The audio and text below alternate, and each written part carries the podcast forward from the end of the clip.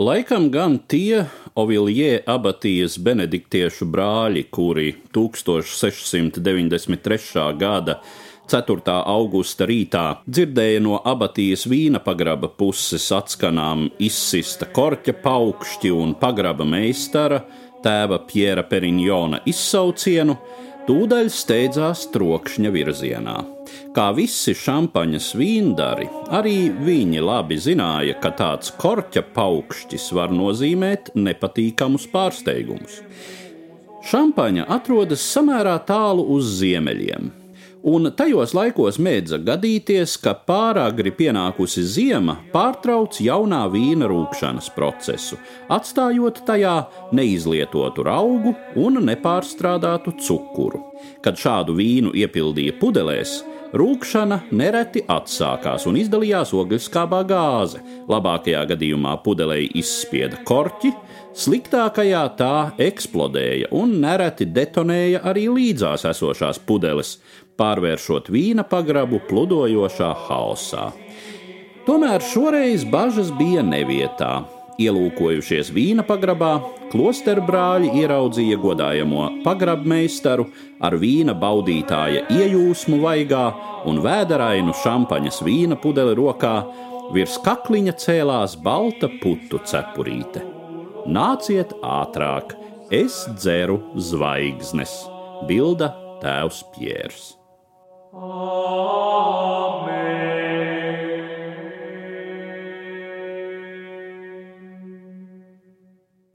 Visticamāk, gan ka patiesībā šāda epizode nekad nav notikusi, un to sagudrojuši reklāmas tekstraži 19. gadsimta beigās.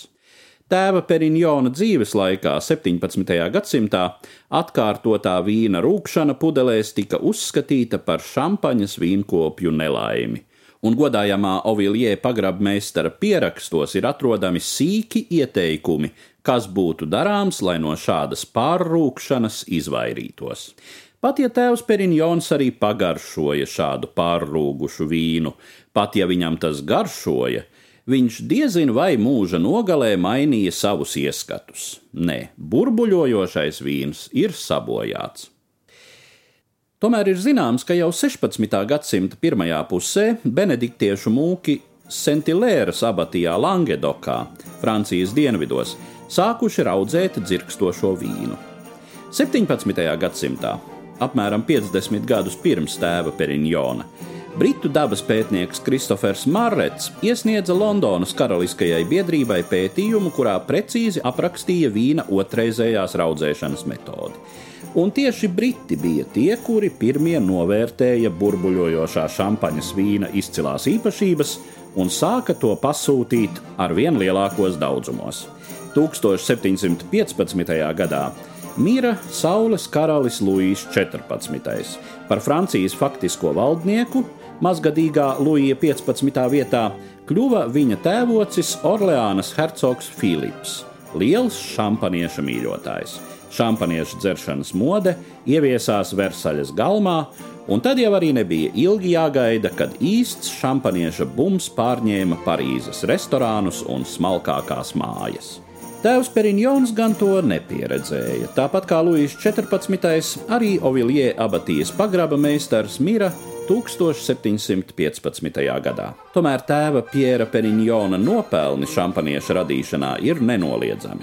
Tieši viņš izstrādāja metodi, kā no tumšajām vīnogām iegūt kvalitatīvu baltvīnu, un tādējādi radīja izcilu vīna materiālu šampanieša ražošanai. Atzīmējot tēva Periņona nopelnus, Moe un Šadona firma, viens no senākajiem un prestižākajiem šampanieša ražotājiem, pagājušā gadsimta pirmajā pusē sāka ražot izcili augstvērtīgu šampanieti no labāko ražas gadu vīnogām, dodama tam nosaukumu Dom Perignon.